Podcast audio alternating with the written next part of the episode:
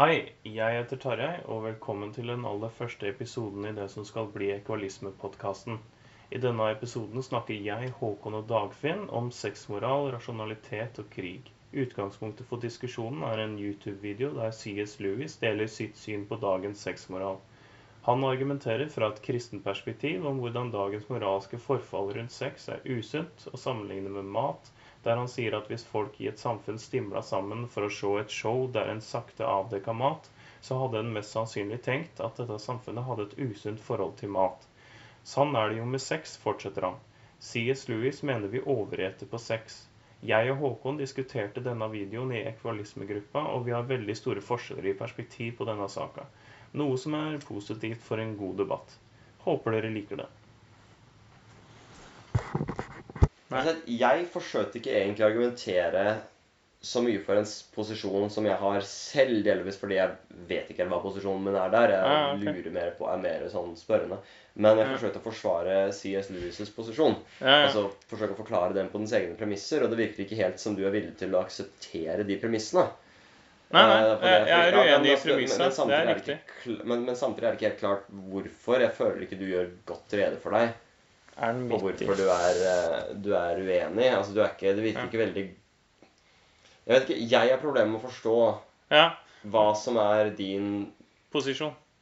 Nei, ikke posisjon per se, men hva som er din argumentasjon for hvorfor Ja. din posisjon skal være gjeldende. Jeg forstår posisjonen din, jeg bare forstår ikke hvilken metaposisjon du har som rettferdiggjør den posisjonen. Nei, jeg, jeg begynte jo å gå i gang med å forklare litt uh, Liksom sammen, Jeg sammenligna 1900 med i dag, da. Ja, men det var, bare en, det, det var bare en statement. For det første tror jeg den var litt faktisk feil, men det kan vi ta en annen, en annen gang. Men, eh, men, bare, men det virker bare som en statement sett i lys av dine, eg, dine egne aksiomer om hva som er rett og galt. Ja, Og da har du ikke egentlig forklart noe som helst. Og jeg tror Dagfinn er enig med meg i Jeg ville stille spørsmålet til deg.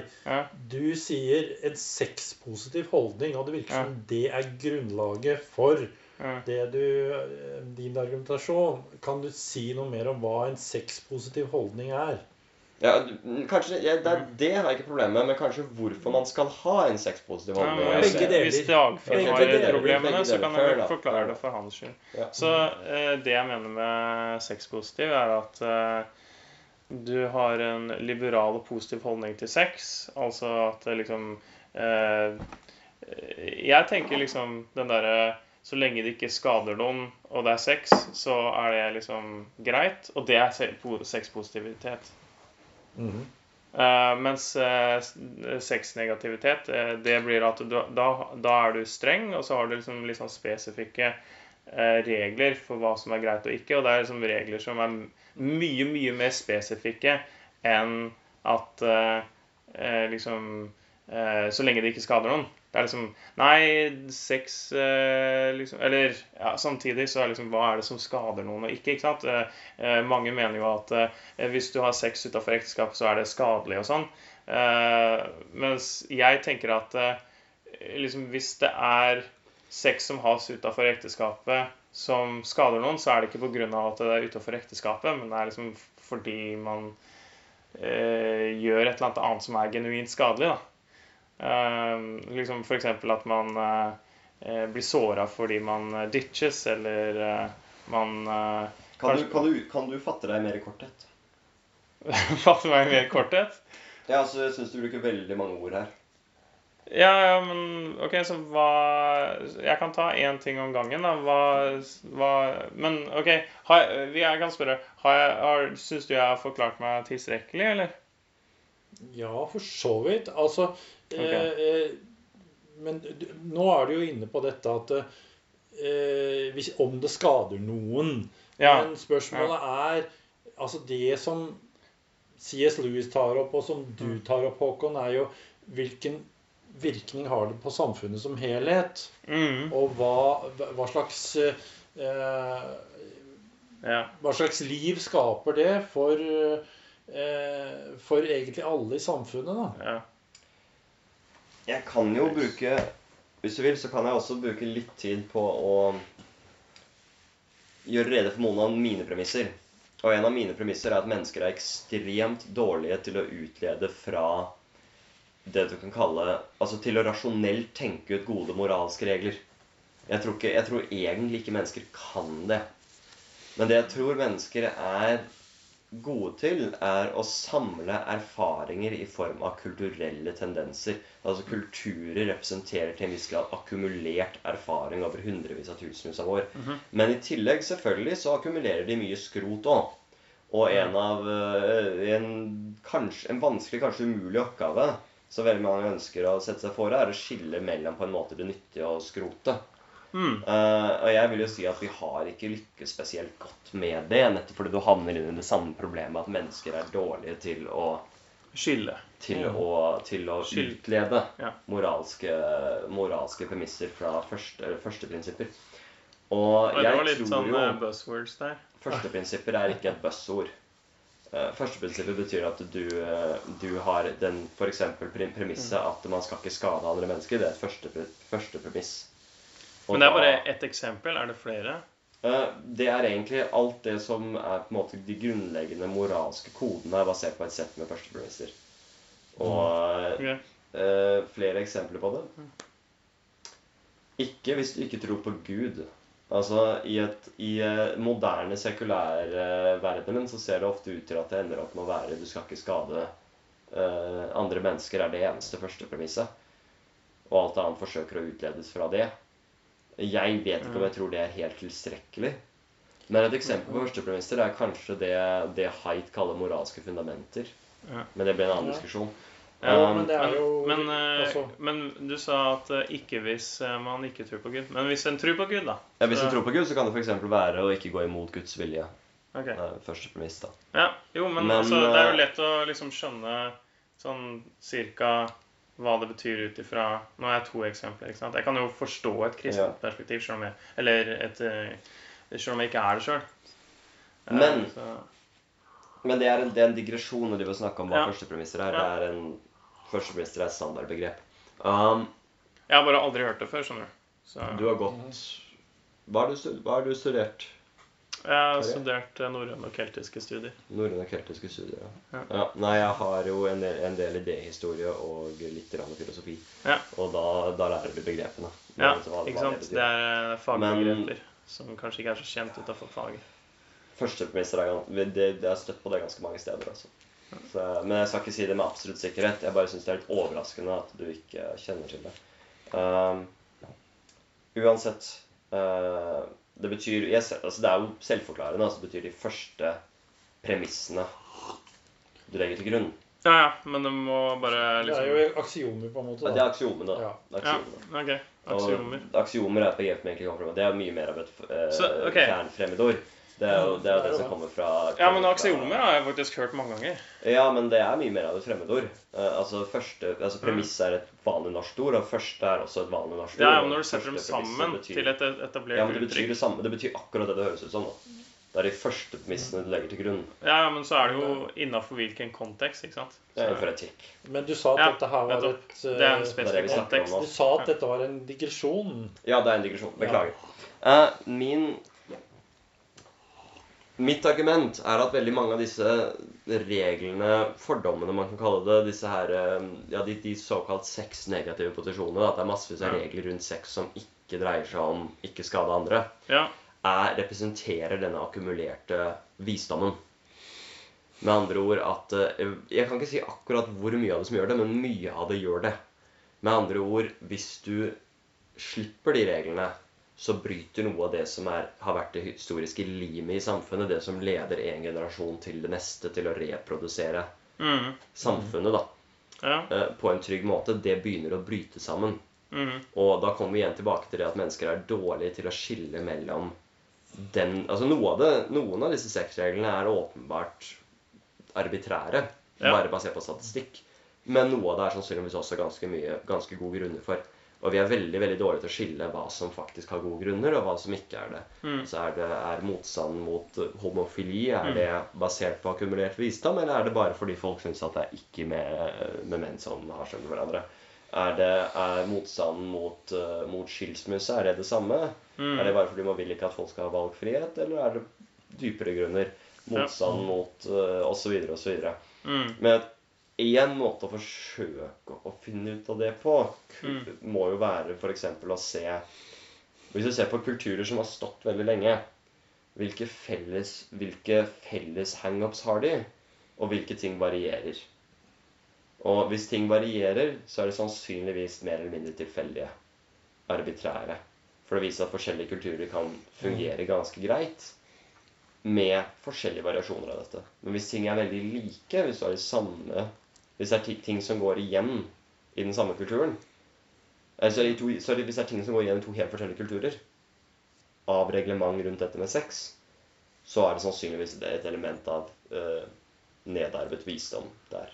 Jeg, jeg syns det blir en litt rask konklusjon, egentlig. Men Eh, Jeg er skjønner tankegangen, dette er en rask konklusjon. Altså, ja, kanskje, men jeg synes at det er for det kan Altså, jo jeg- fortsatt være tilfeldig. ikke sant? Det kan være tilfeldig, men hva er, men hva er risiko Det kan være tilfeldig, men det er i mindre sannsynlighet tilfeldig enn hvis det er store forskjeller. Jeg anser det som et argument for at eh, det er litt mer sannsynlig at, eh, at det er noe eh, viktig, da. Ja, det var det, det, var det jeg mente å si. Ja, Ja. Og det er en mye mer forsiktig måte å si det på. Kanskje. Ja. Um, så, men jeg er også tilhenger av ideen om Chestertons fence. Ja. Det er, med, med andre, altså Chestertons fence er jo det er, jeg kjenner, til, kjenner du til analogien? Eller kjenner dere til analogien? Nei, ikke, nei, ikke akkurat Men, Jeg kjenner ikke til navnet engang. Er selvfølgelig en konservativ katolsk forfatter som het G.K. Chesterton, som skrev på 1800-tallet. Og han hadde en hva skal jeg si eh, ligning eller, eller, eller analogi, da. Ja. Hvor han sa det at hvis du finner et gjerde stående i midten av et, et åskam, og du ikke vet hvem som har puttet det der, puttet det der og hvorfor det har blitt puttet der, ikke riv det ned. For hvis du først har revet det ned, så kan det være vanskelig å fikse det igjen. Eh, Du vet, det kan, hende, det kan selvfølgelig hende at det bare står der tilfeldigvis, og det ikke har noen funksjon, og det er bedre å rive det ned. Men det kan også hende det har en veldig nyttig funksjon. Og hvis du Konsekvensen av å rive det ned hvis det er nyttig, er mye større enn konsekvensen for å la det bli stående hvis det ikke er nyttig. Mm. er argumentet hans. Jeg har litt større tro på menneskets uh, evne til å komme fram til uh, rasjonelle sannheter, da. Og her er jo kanskje noe av uenigheten vår. Men uh, nå, nå nå vil jeg jo påpeke at uh, jeg har noen forbehold der.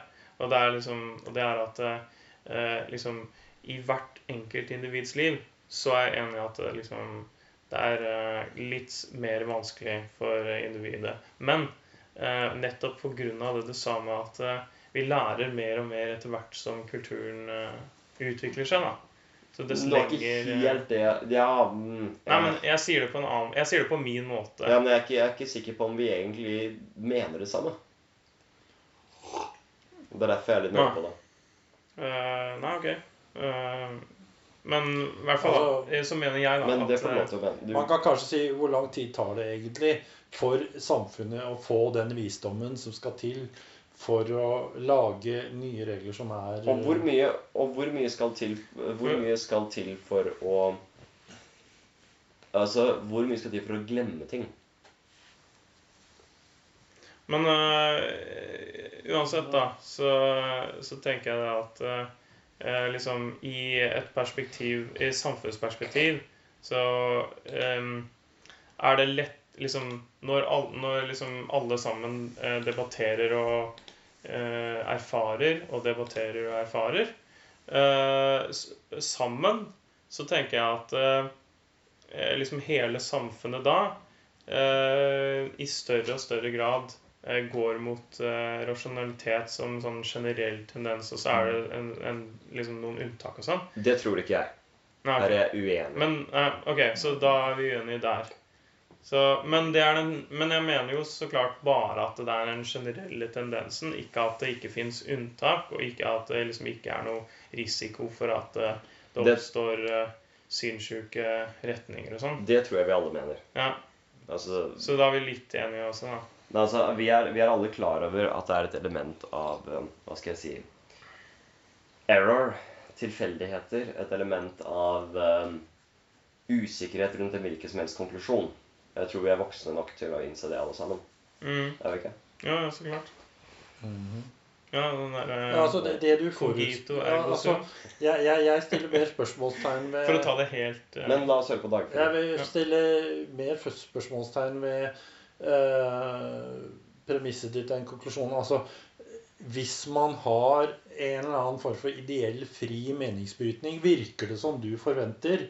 ja. Men eh, hvilken grad har vi det i et samfunn hvor du har maktkamper, lobbyvirksomhet bare, bare tenk på altså, ja, trans, Translobbyen har jo funnet ut at det, at det er bedre å gå direkte på politikerne Unngå uten å offentlig få debatt.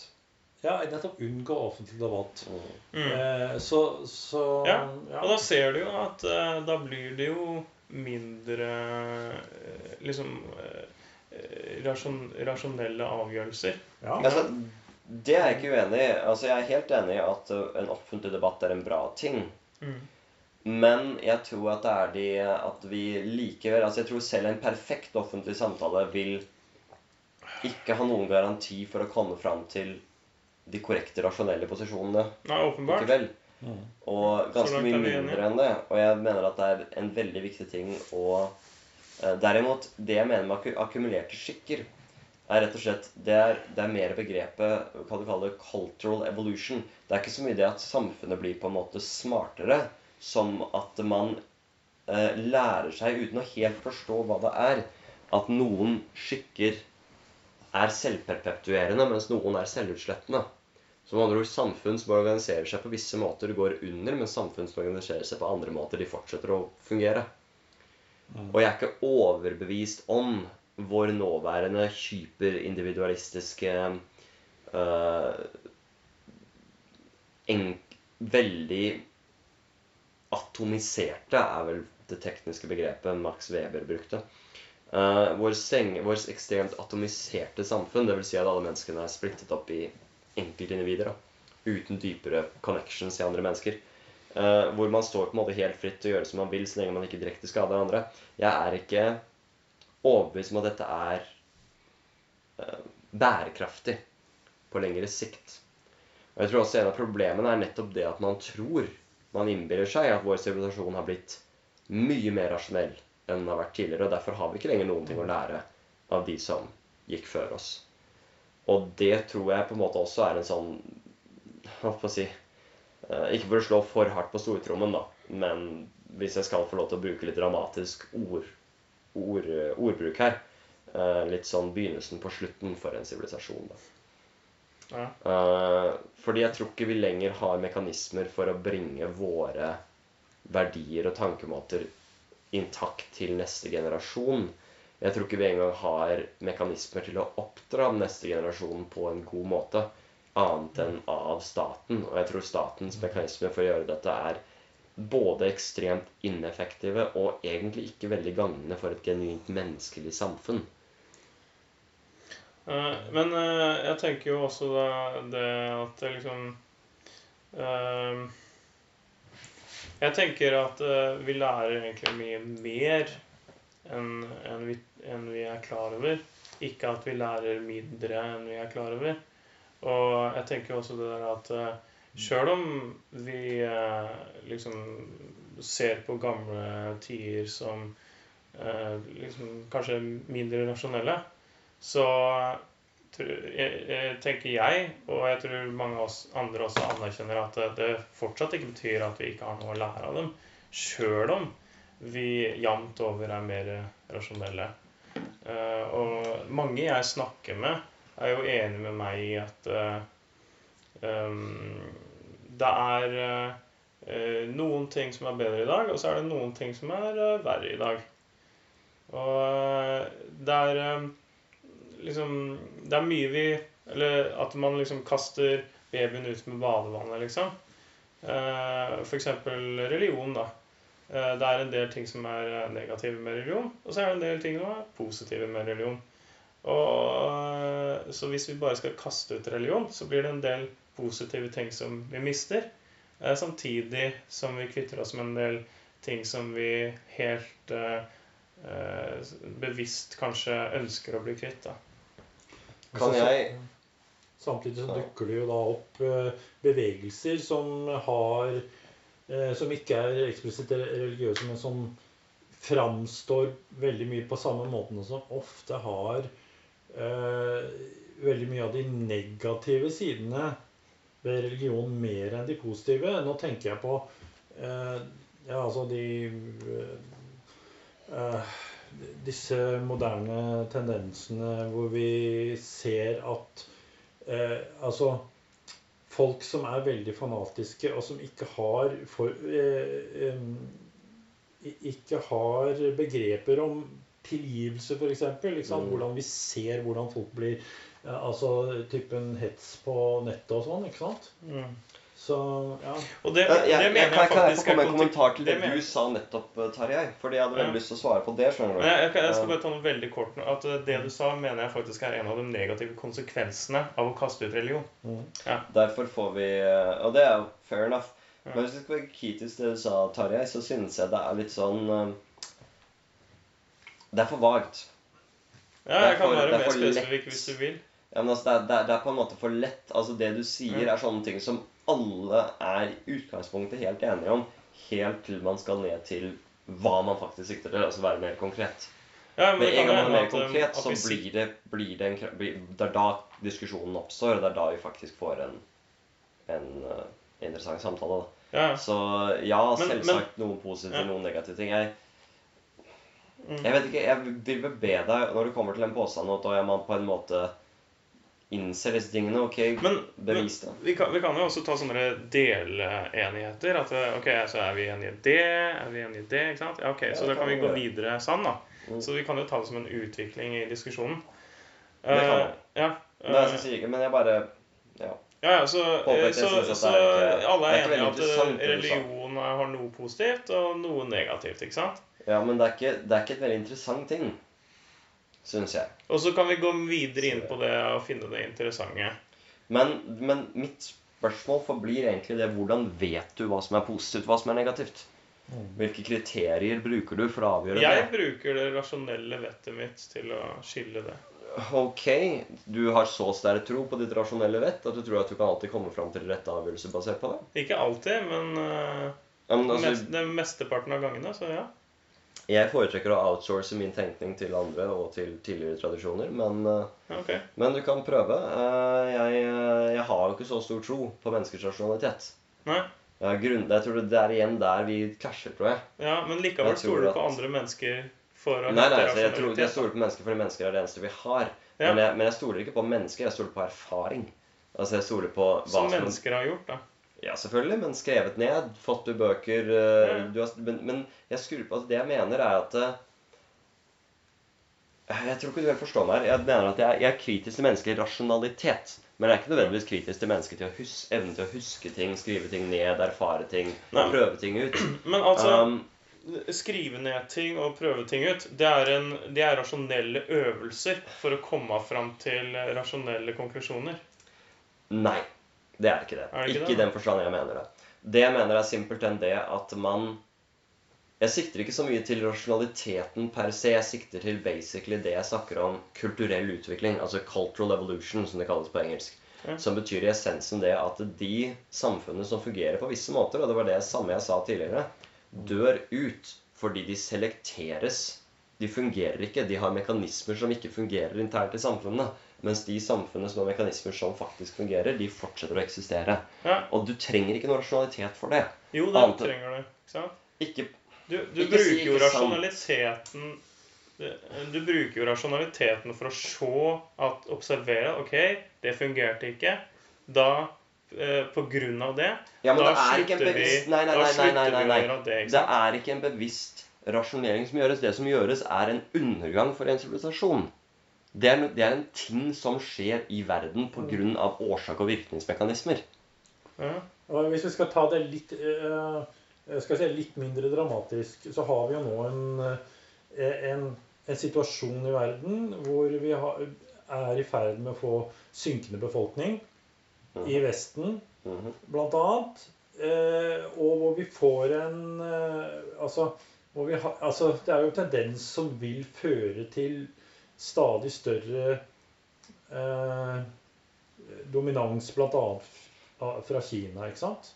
Selv om, selv om Kina er i ferd med å eh, stabilisere befolkningen, så er det jo så, så mange at eh, det virker jo nesten uunngåelig. Og, og, nettopp dette her med at vi har hatt, hatt Kina, forskjellen, da. Kina har et alvorlig problem, da. Ja, ja. Kina De har har for mange menn i forhold til antall kvinner, og de har en masse velgerbølger på vei. Det kan godt hende at det går eh, rett Så- vest med Kina, men det er bare mer, Kina det er mer som et, det er mer som et eksempel på hvordan eh, tendenser som ikke er rasjonelt uttenkt, kan ha en betydning for Ja, dette er ikke, som det, ja, ikke sant? Det er ingen som har satt seg ned og tenkt ut at slik skal det være. Det har vært et utilsiktet konsekvens av måten kulturen har utviklet seg på i alle disse landene. Både i Vesten og i Kina og andre steder. Eh, Det var ingen som planla at Kina skulle få en eldrebølge. Det var ingen som planla at Kina skulle, skulle få, få en massiv overskudd på menn. Men det er en konsekvens av avgjørelser tatt av politikere som ikke helt har skjønt konsekvensen av det. de har Eller ikke har tenkt igjennom konsekvensene. Ja, det er det samme. Men de har ikke brukt eh, det rasjonelle vettet sitt. ikke sant? Jo, men De har Ja, men det er det, er det som er poenget. det. Det rasjonelle vettet er ikke tilstrekkelig. De brukte mens, mens poenget mitt er at eh, det ikke brukes nok. Ikke sant? Det rasjonelle vettet Nå, er nå ikke misforstår du meg. Nei, jeg, ok, jeg er uenig, men ok. Du, Nei, altså, det, du det, det, jeg jeg mener, det jeg mener, er at uh, Du sier hele tiden 'Å, det brukes ikke nok', det brukes ikke nok. Jeg sier det kan ikke brukes mer enn det gjør. Altså, Vi er nå på grensen oh, til hva er mennesker kollektivt Det kan ikke brukes kan. Ja, men jeg mener at det er demonstrert. Det er demonstrativt bevist at det drar seg Og igjen, jeg sier ikke det at eh, Nettopp med alle de? Ja, altså nå, nå tenker jeg at det, det er en ting som vi kanskje kan være enige om, nemlig at Ja. eh, det rasjonelle vettet har en begrensning når det gjelder å forutsi framtiden. Og det er det du snakker om her. ja. Eh, når, at eh, kinesiske politikere Nei. har jo Ja, men Jo. det, det, jo. Nei. Nei, Det nei. som skjer i Absolutt sam- ikke det det, jeg snakka om. Nei, det er vent, tull. Vent, Ja, det vent, vent. La meg forklare dette her. Ja.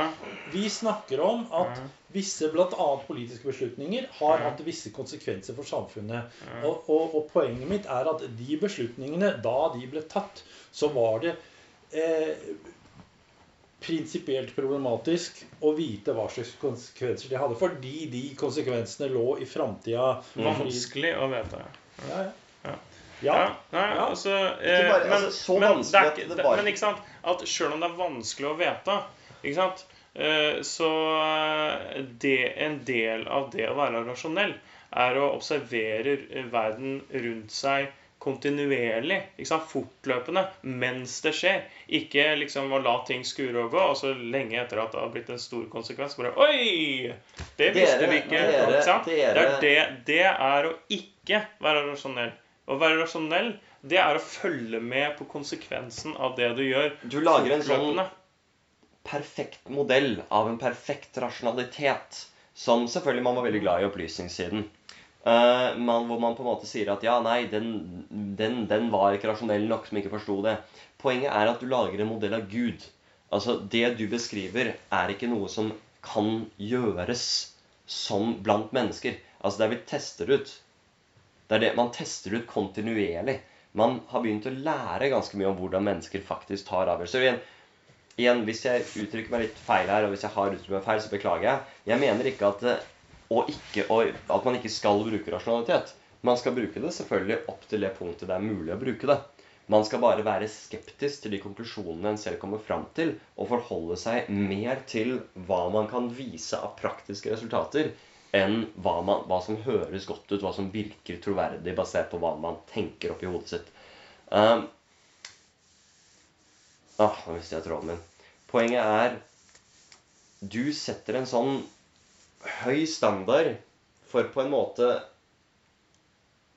hva du mener er rasjonalitet, og hva mennesker kan oppnå, på en posisjon som jeg mener ikke er mulig, fordi mennesker har for mange grunnleggende si, mekanismer i måten hjernen fungerer på, som rett og slett strider imot. Altså Vi har bl.a. en tendens til å få eh, euforia når vi hører, hører ideer som allerede er enig med ideer vi allerede tror på forhånd. Eh, vi får fysisk smerte når vi begynner å må kontemplere ideer som man ikke tror på. Altså hvis, eh, Som man i utgangspunktet var skeptisk til. det, det beviselig fungerer i de samme reseptorene i hjernen som prosesserer fysisk smerte, som håndterer disse tingene. Det er, det er, eh, det er problemer med, med hvordan mennesker er sosiale vesener. Vi tenderer til å ta meningen til folk rundt oss snarere enn å tenke selv. Det er hvordan, hvordan vi fungerer som en art. Vi tenderer til å, til å øh, Altså Det jeg mener, er vel det at menneskelig rasjonalitet er ikke utviklet for å løse eksistensens uh, reelle mysterier. Menneskelig intelligens er utviklet for å vinne sosiale spill mellom andre mennesker. Og hvis du tar det som forutsetning, så gir det helt mening, alle disse uheldige mekanismene som er i hjernen, som hindrer oss i å være fullstendig rasjonelle. Og det, disse mekanismene er ikke noe mindre hos smarte mennesker. Noen studier tyder på at de er faktisk sterkere hos smarte mennesker, for smarte mennesker er veldig veldig gode til å rettferdiggjøre seg selv. Så det er ikke sånn at uh, rasjonalitet er en sånn ting man kan på en måte bare oppnå. Rasjonalitet er hvis det forekommer i det hele tatt, så forekommer det unntaksvis. Som, et, som en nesten en sånn tilfeldig feil i systemet. Som egentlig er ment av Hovedpoenget til disse, her, til disse hjernetankene våre er å finne ut hvordan du kan sosialt utmanøvrere den nåværende lederen, så du selv kan bli leder. Det er ikke altså- for å finne ut hvordan du faktisk skal det, altså det, det, det, jeg tenker, er at eh, Lage en bedre mange av de beslutningene Én snakker om gangen. Unnskyld? Ja. ja Nå kan du snakke, da. Ja. Um, at, at, mange av de beslutningene kan godt ha vært rasjonelle kortsiktig mm. for mm. de personenes vedkommende, uten at det da, samtidig som det kan ha, skape katastrofe for samfunnet over tid. ikke sant? Ja, det er. Så rasjonalitet er jo ikke så lett å sette fingeren på sånn sett, da. Jo, det syns jeg. Fordi, jo, fordi at eh, jeg mener at eh, Ikke sant um, eh, OK, så eh, all, jeg, mener, jeg, mener alle har noe å vinne på at eh, liksom vi sammen har det bedre, ikke sant? Men mennesker er sosiale vesener, og vi er programmert til å bry oss om andre og behandle ja, vi vi, vi, andre Nei, nei, nå snakker du i munnen. og behandle andre bra, sånn at uh, det resiproseres, eller det gjengjeldes. Ikke sant? Det, det, er du vel enig i? Og det, det, er en rasjonell mekanisme. Og det er en uh, biologisk uh, innbakt mekanisme, tenker jeg. Så OK. Altså Det er noe sant i det du sier, og også noe feil i det du sier. Uh, det som er sant, er selvfølgelig det at mennesker er et sosialt vesen. Vi er laget til å samarbeide med andre mennesker i ganske stor grad. Uh, problemet med det er jo det at vi er laget til å samarbeide med For det første er vi laget til å samarbeide med veldig veldig små grupper mennesker. Sånn type 100 individer eller noe sånt noe. Vi er ikke laget til å samarbeide med 7 milliarder mennesker på kloden. Uh, vi er dessuten heller ikke laget bare til å samarbeide. Vi er også laget til å konkurrere, og vi er også laget til å være i konflikt med hverandre. Eh, menneskelige grupper har vært i konflikt med hverandre absurd lang tid. Og selvfølgelig, du har en veldig høy prioritering av å ønske å hjelpe din bror, dine nære slektninger, dine venner, dine barn, ikke minst.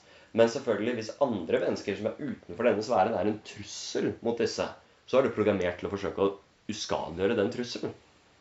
Mm. den største trusselen mot mennesker er andre mennesker. Og har egentlig vært det helt tilbake til, til, til steinalderen. Ja.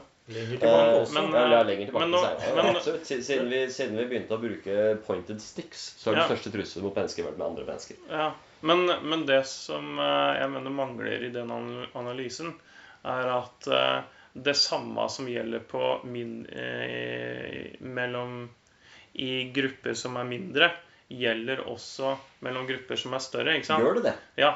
Fordi, det visste jeg.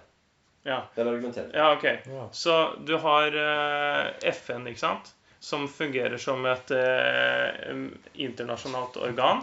Fungerer er en uh, Ja, det er en måte å uttrykke det på, kanskje. Ja, ja. ja Og hva skal jeg si da? Fungerer fortsett. ikke som et internasjonalt Ja, fortsett. Nei, nei, poenget, poeng, poeng er at hvorvidt FN fungerer, er et åpent spørsmål.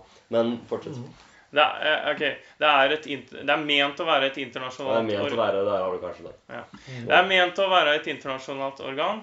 Eh, og ikke sant eh, Og du har eh, og, liksom eh, militære styrker og, og avtaler osv. Og, så og FN er jo ikke den eneste. Det er jo, det er jo UNICEF og Eller eh, UNICEF er under FN. Ja. Okay. Ok. Ja, ja, ja.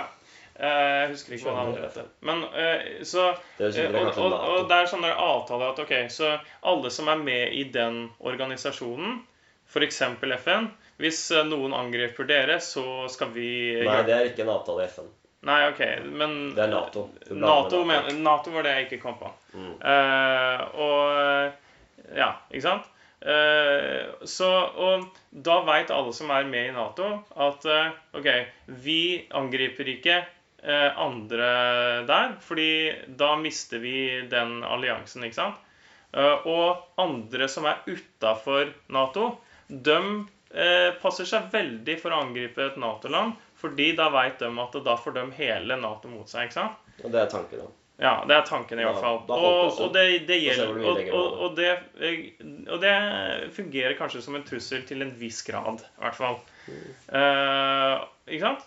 Det fungerer så lenge alle stoler på at alle Nato-landene øh, holder opp avtalen. Og så ja, er det USA, da. Så poenget da, mitt da er at da, da ser du at det fungerer på et mye større nivå enn grupper på 100.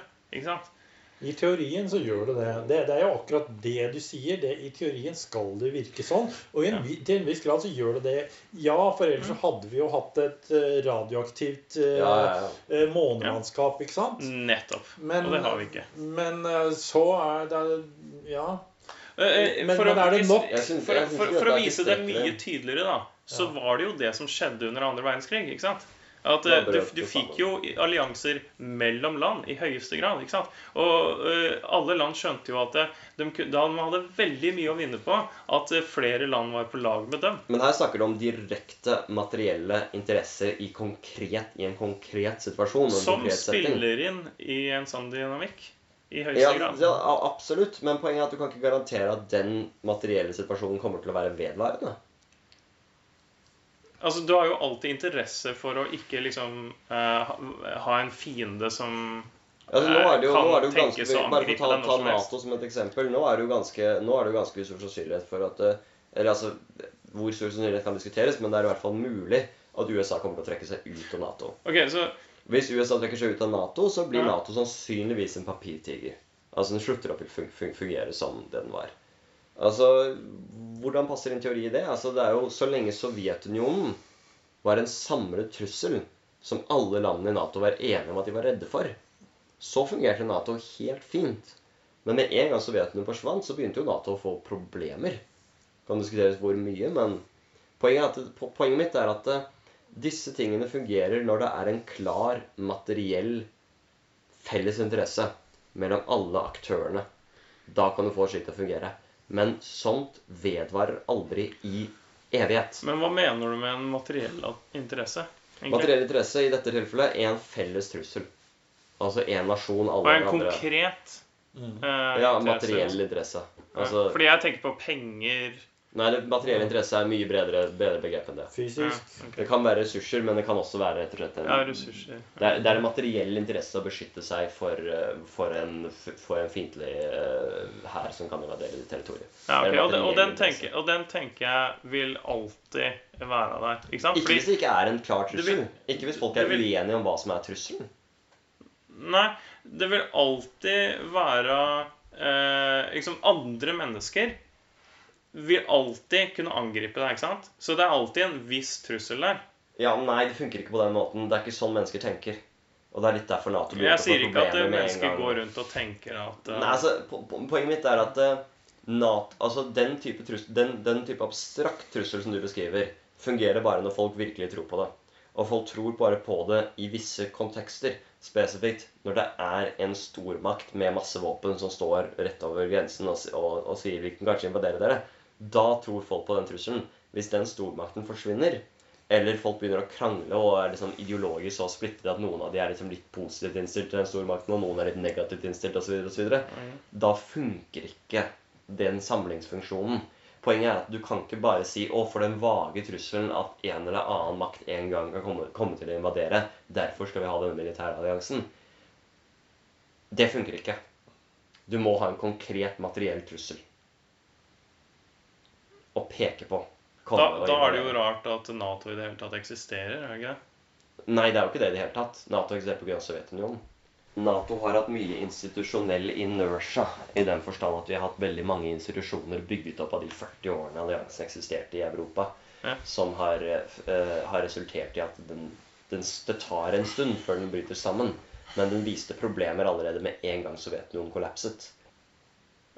Men øh, altså Jeg vet ikke helt åssen jeg skal forklare klare det. Men, men liksom OK. Du kan innrømme at du tar feil. Nei Det er en måte å forklare det OK, på. OK. Håkon. Nei, nå Uh, er jeg litt slem. at jeg er. Jeg er ja, nei, altså fordi um, um, Sjansen for krig er jo relativt liten, ikke sant? Så da er det jo rasjonelt å ikke forvente krig hvis sjansen for krig er liten. I de fleste kontekster. Men ikke for alle, og ikke hele tiden. Nei, OK. Men sjansen for krig, særlig for oss, er relativt liten. Men historisk sett har det vært ganske mange kriger. Altså vår, vår siste, de siste uh, hva skal jeg si, årene siden andre verdenskrig i Europa er på mange måter eksepsjonelle.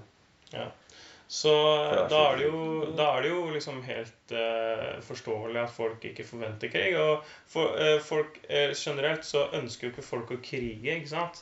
Eh, fordi det er jo egentlig eh, liksom det verste som kan skje. Nei, men i noen kontekster kan enkelte nasjoner og enkelte mennesker ha fordeler av krig, kriger. Ja, ja, og det er jo åpenbart, det er jo derfor kriger skjer i utgangspunktet. Og Eh, noen ganger kan man være veldig redde for at de på den andre siden ja. Ja, men det er gjerne for å unngå noe som er like ille som krig, da, på en måte. Mm, Ikke alltid. Nei, ikke alltid. Krig kan være rasjonelt i de rette omstendighetene. For en gitt aktør. Ja.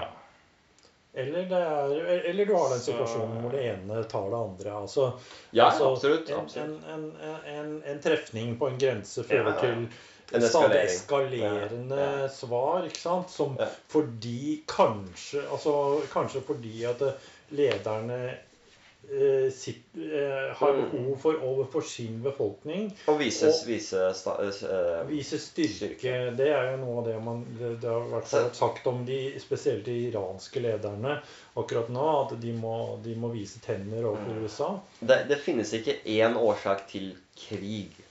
Forskjellige kriger forårsakes av forskjellige ting. Noen ganger er kriger i essensen feilaktigheter. Altså en del, en del gale avgjørelser gjort. ja irrasjonalitet. Noen ganger er de preemptive. Altså en, en faksjon er såpass redd for en annen faksjon at de bestemmer seg til å gå til krig først. Siden de ikke vil være på en, eh, på en, def, på en, på en dårlig situasjon når krigen begynner.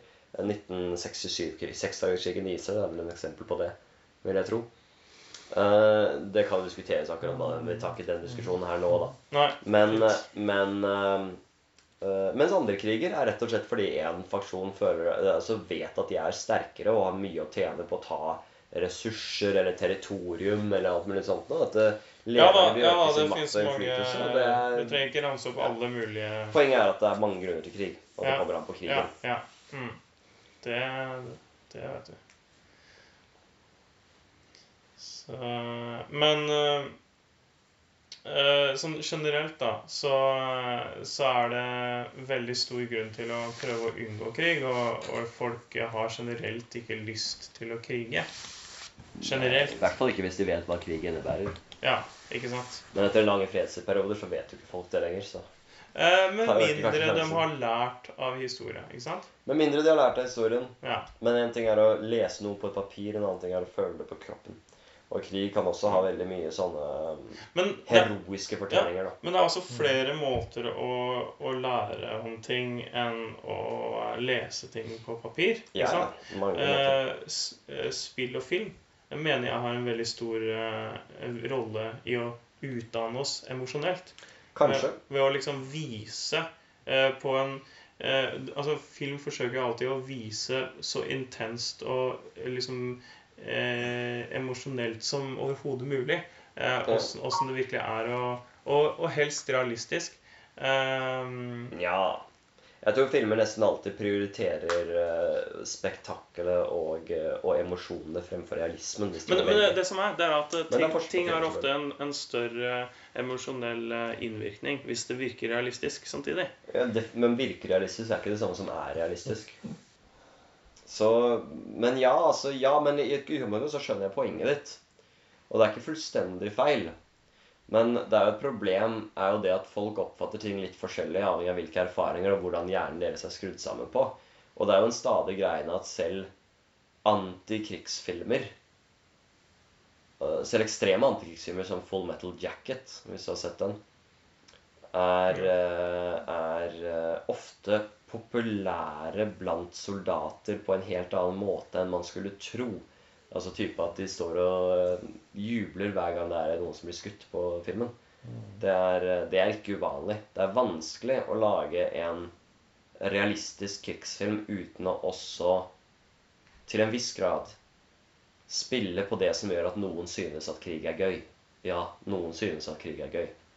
Det er Ja. en objektiv sannhet. Ja da. Og ikke alle disse er bare altså Dette er ikke bare en lite subset av forferdelige sosiopatiske mennesker. Det er folk som rett og slett finner f.eks. adrenalinrushet gøy. Eh, så er det en annen ting, og det er det at mennesker kanskje enda mer enn enn å ønske på en måte nytelse og glede og, og tilhørighet, så ønsker vi også mening. Mm. Og krig Men- kan for veldig mange gi Mm. mening på en helt annen måte enn noe annet. Ja, det, det, det, det er riktig. I hvert fall hvis de faktisk tror på det ja. de slåss for. da. Ja, Så klart. Men uh, jeg tenker at uh, det er ganske sterk konsensus om at eh, krig er grusomt. Og det tenker jeg til og med mange av de soldatene som liker krig og vold, uh, vil si seg enig i. ikke sant? På det Ja, rasjonelle altså jeg, skal planet. ikke, jeg skal ikke være for kverulantisk her. Krig er selvfølgelig forferdelig. Ja. Og de fleste er på en måte klar over i hvert fall i teorien. Ja, og jeg tenker at Men- eh, vi har jo egentlig et ganske klart bilde av det. Selv om vi ikke har vært i nærhet av krig, så har vi et veldig klart bilde av at åh, krig er grusomt. Ikke sant? Kanskje, men uh, Ja. skytespill er jævlig gøye, da.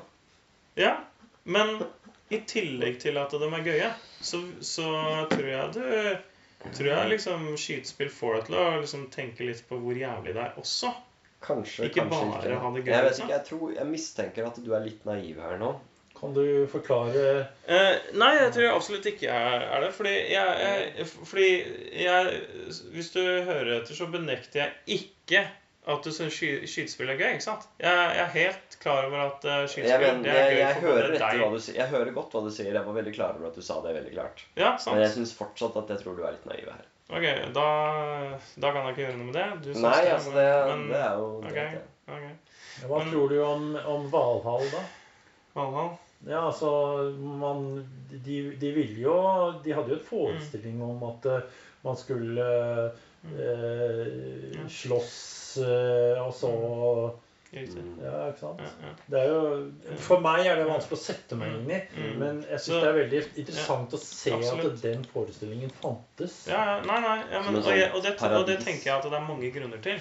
Mm. Eh, men eh, noe av det viktige å observere her, er at vi ikke tror på det nå i dag. Ikke sant? Ja, det Vi er har gått videre fra det. Ja. At det er et Og det tenker jeg eh, at, annet eh, samfunn, men eh, Og, og jeg tenker at det er på grunn av det rasjonelle vettet at vi ikke lenger tror på, på det. Nei, altså jeg tror ikke det har med rasjonalitet å gjøre, men jeg, har, jeg tror det har noe med, med insentivene vi utsettes for som, i, som samfunn. Altså vårt samfunn er mye mer avhengig av en fredelig kontekst. Ikke minst kapitalismen Hvorfor er avhengig av ting som er Ikke minst kapitalismen er avhengig av ting er forutsigbart. Og krig har en tendens til å ødelegge forutsigbarhet. Og det gjør at vi, vi, vi eh, Men det er jo mye penger å trene i krig. Hva? Det er mye penger For noen. For de fleste taper penger. Altså De fleste Mm. western-interesser taper penger i krig. De eneste Mm. unntakene er våpenindustrien og et par andre ting. Mm. Så hjelper det selvfølgelig å være et land som, eh, som er langt vekk fra der Det er krigen faktisk utkjempes. Ja. Så f.eks. Norge har tjent en del penger på krigene nede i Midtøsten. Men Ja. hvis du ser på western-interesser i Midtøsten og rikfolk der, har stort sett bare tatt penger. Ja. Med unntak av, eh, av de som er veldig gode til å plassere seg på rett sted Stemmer. til rett tid. Ja. Um, Mm. altså USA tjente masse penger på andre verdenskrig, men det var omtrent den eneste nasjonen som gjorde det.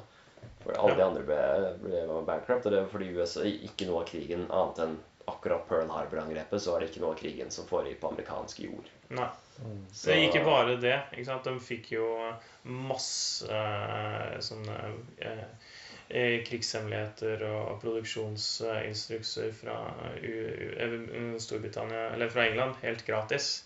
Ja, men det gjorde England fra USA òg, da, for så vidt. Så den var jo en gjensidig greie Men jeg tror det var eh, mye Men større USA grad eh, fra England til USA. Ja, men det var også det at England bestilte ufattelig mye krigsmateriell fra USA, og den amerikanske industrien ble veldig, veldig styrket av, av å Ja, bygge så mye helt, eh. Bygge og selge så mye. Men de solgte jo for en ekstremt billig penge, da. Selvfølgelig. Okay, ja. Men likevel så Så tjente de jo vanvittig mye på det. Så tjente de igjen mye Ja. på det. Ja. Og ikke minst bare det å sette i gang hjulene i samfunnet. Det at amerikanere nå igjen hadde jobber, Mm. hadde mye å si, eh, si for byggingen av økonomien. Ja. Og Så, eh, så da har vi snakka nok om at eh, det går an å tjene penger på krig, altså. det går an. Men, men i utgangspunktet så er krig ødeleggende for vestre kapitalistiske interesser. Ja. Eh, fordi Og krig ødelegger og forstyrrer og er kaotisk og uberegnelig. ja. Eh, kapitalisme setter pris på forutsigbarhet. Ja. Men Og jeg tror folk flest setter pris på ro og forutsigbarhet også. absolutt. Ja. absolutt. Ikke sant? Så, så, jeg, så jeg tror det er veldig sterke liksom, Ja. krefter for å liksom ikke gå til Men, krig. men, men, men eh, eksempel i, Ro i Romerriket så hadde en situasjon hvor underklassen tjente veldig gode penger på krig, for de fikk lov til å ta av krigsbyttet til fienden. Mhm. Og det gjorde at det var i veldig stor grad rasjonelt for underklassen å argumentere Og da, var, da kunne overklassen ofte være mer tilbakeholden, mens for, underklassen å ønske en krig var veldig veldig fordelaktig, for de kunne tjene store penger på det. Ja, Eh, og da kan den har veien. forandret samme til en viss grad vikingene og plyndringsakter. Det er et eksempel på Ja. hvordan insentiver former hvordan vi forholder oss til krigføring. Og jeg tror som sagt det at mesteparten av tiden så er insentivene i vårt samfunn er mot krig. Og at det er mye mer å gjøre enn enn, eh, enn at de er mer rasjonelle. Hva nå enn det betyr. Nei, nei, nei, men jeg, jeg, jeg tenker at det er ikke Det er, bare ikke, det er, det er rett og slett bare en, en kontekst som gjør at det er urasjonelt for mennesker i dag å gå til krig. Ja, mens det i fortiden ofte var rasjonelt for mennesker å gå til krig pga. måten samfunnet så ut. Ja. Ehm, men et, ehm, Og, det, og det, den konteksten vi er i, ikke sant? Mm. Den uh, har vi jo eh, liksom eh, eh, kommet fram til det er ikke kommet fram til det har utviklet seg. Ja. Det er ikke det samme. Det ikke det samme. Uansett hvilket ord en Det, tilfeldigvis nei, bruker det, er ikke om til, det er ikke noe tilfeldig med det. Nei, okay. Det er ikke noe tilfeldig med det. Den har utviklet seg basert på massevis av små avgjørelser som ikke har hatt noe å gjøre med å lage et samfunn. eller noe sånt. Noe, bare små rasjonelle avgjørelser, eller irrasjonelle avgjørelser mennesker har tatt, som gradvis har dyttet oss i retning av det samfunnet vi eksisterer i. Og inkludert rasjonelle avgjørelser. Da. Jeg sa, jeg sa rasjonelle og irrasjonelle, men selv de rasjonelle avgjørelsene har ikke hatt noe med å lage et samfunn. Det har vært Nei, eh, Som en generell regel, da. Nei, men eh, de altså er, eh, jeg, jeg tenker jo at det ikke er helt tilfeldig at uh, liksom Det er ikke tilfeldig, Nei. men det er utviklet. Og, Det er mer som evolusjon, det er mer som the theory of evolution enn som uh, the theory of intelligent design. ja, Altså, jeg tror ikke på intelligent design av samfunn. men, men liksom uh, du, du har jo Altså Politikerne kunne liksom ikke holdt på helt åssen som helst. Ikke i Norge, i hvert fall. Nei, nei. Eh, og, nei, sant? nei men det er ikke det jeg påstår heller. Eh, nei. Eh, så så det, er, det er liksom sanne ting jeg mener. At vi har kommet fram til et sånt samfunn. Ikke, ikke sånn helt fordi folk visste åssen den kom til å, kom til å se ut i framtida, eller fordi hvis jeg handler akkurat sånn, så får jeg akkurat det. Men det er det vi kommer fram til når vi har hatt den innstillinga vi har. Ikke sant? Eh, Som bare Nei, vi velger å ikke krige. Nei, vi velger å Nei, vi har, vi, har ikke, vi har ikke valgt å ikke krige. Det er dette det jeg mener. altså Det, er ikke, det, er ikke, det har ikke vært noen som har satt seg La oss konstruere samfunn som har Det er noen som har hatt den tanken, men, det er, men de har stort sett vært eh, folk som har vært veldig skilt vekk fra det faktiske Det avgjørelser som tas for å, for å, for å drive Det er nok til en viss grad Jeg, jeg tenker at til en viss grad kan være eh, rasjonelle beslutninger, spesielt ut fra det vi, det vi har sett at eh, Ja. eh, så, Mulighetene i hvert fall for at det at vi har atomvåpen, har ført Ja, til at andre, andre beslutninger er blitt tatt. Mm. Som jo sånn sett er rasjonelle beslutninger. Ja, så det, er ikke, det er ikke det at jeg sier at det ikke er tatt masse rasjonelle Nei. beslutninger. for all del, Jeg bare sier at det er ikke det er ikke folk som har satt seg ned og tenkt la oss, utvikle, la oss lage dette samfunnet. Nei, det var ikke det jeg mente heller.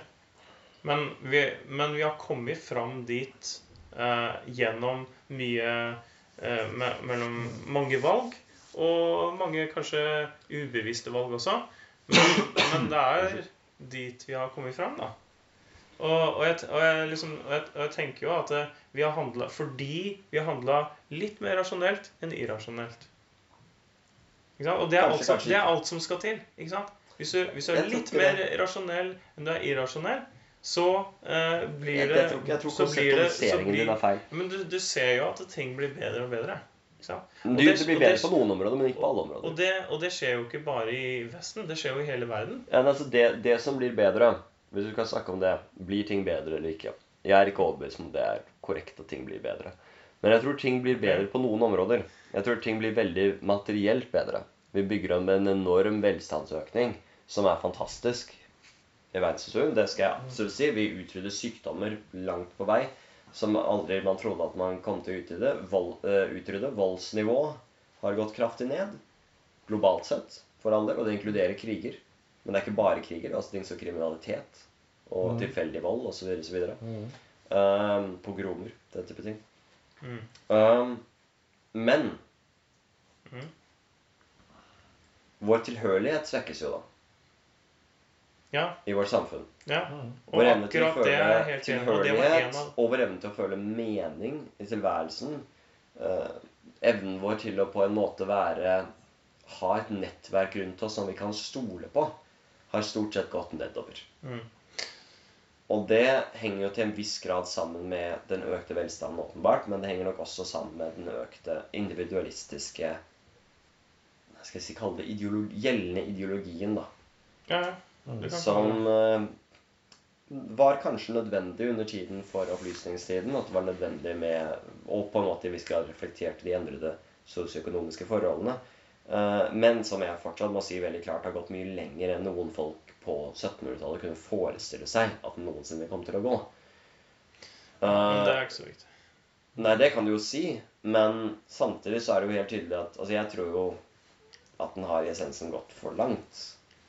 Men, men eh, jeg, jeg vil bare skyte inn en ting. At uh, Problem med ensomhet. Vi har et økt problem med ja, i, vår, ja. mest rikeste Ja, delene og av akkurat det er jeg helt enig i.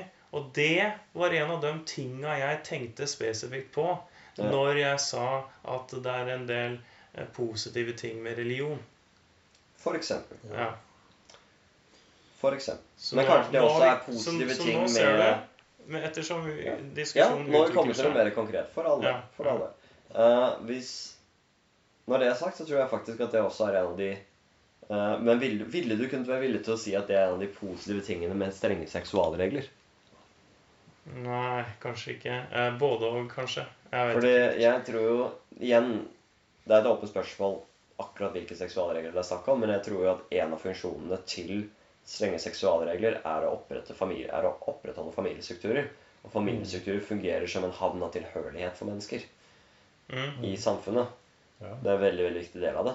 ja. Så Men samtidig så har du jo eh, noen samfunn som er sånn veldig sånn eh, eh, At det er liksom hele, hele gru, gruppa er en familie, på en måte. At alle er liksom Alle de voksne er foreldre til alle barna og sånn. Uh, og at eh, man ikke har en én fast partner. da. jeg, jeg, har, jeg har hørt om det. Jeg skal innrømme at jeg ikke jeg har, har ikke funnet nok info om det til å si om jeg er 100 overbevist om at disse samfunnene faktisk fungerer så slik de beskrives. Men jeg har jo i hvert- fall liksom et par eksempler på samfunn som har blitt presentert på denne måten, som jeg vet ikke fungerer på den måten de beskrives. Ja. Men jeg skal, ikke, jeg skal ikke blankt utelukke det heller, for så vidt. Ja. Men uh, dessuten så er det også den faren for at de samfunnene ender opp med å bli spist av andre samfunn, som også er et kriterium for om samfunn fungerer eller ikke. Kan de vil de Ja, konkurreres, eller vil de bli, bli samfunnet også De må jo ha en selvevne til selv, selvopprettelse. Ja, ja. Eh, dette, disse samfunnene tenderer til å være uh, mat, uh, matrilineale matriarkater. Mm. Eh, de fleste menneskesamfunnene er patrilineale patriarkater. Vet du hva de begrepene betyr? Jeg veit hva de enkelte begrepa Hva betyr matrilinealt? eh, At det følger en Ja. moderlinje. Ja. Slett. Mm. Det er fordi Siden du spurte tidligere om litt vanskelige begreper, og dette er litt vanskelige begreper Uh, Særlig altså Patriarkat er enklere, men, men, eh, hva, hva du mener med dem i denne konteksten, er litt, fortsatt litt uklart.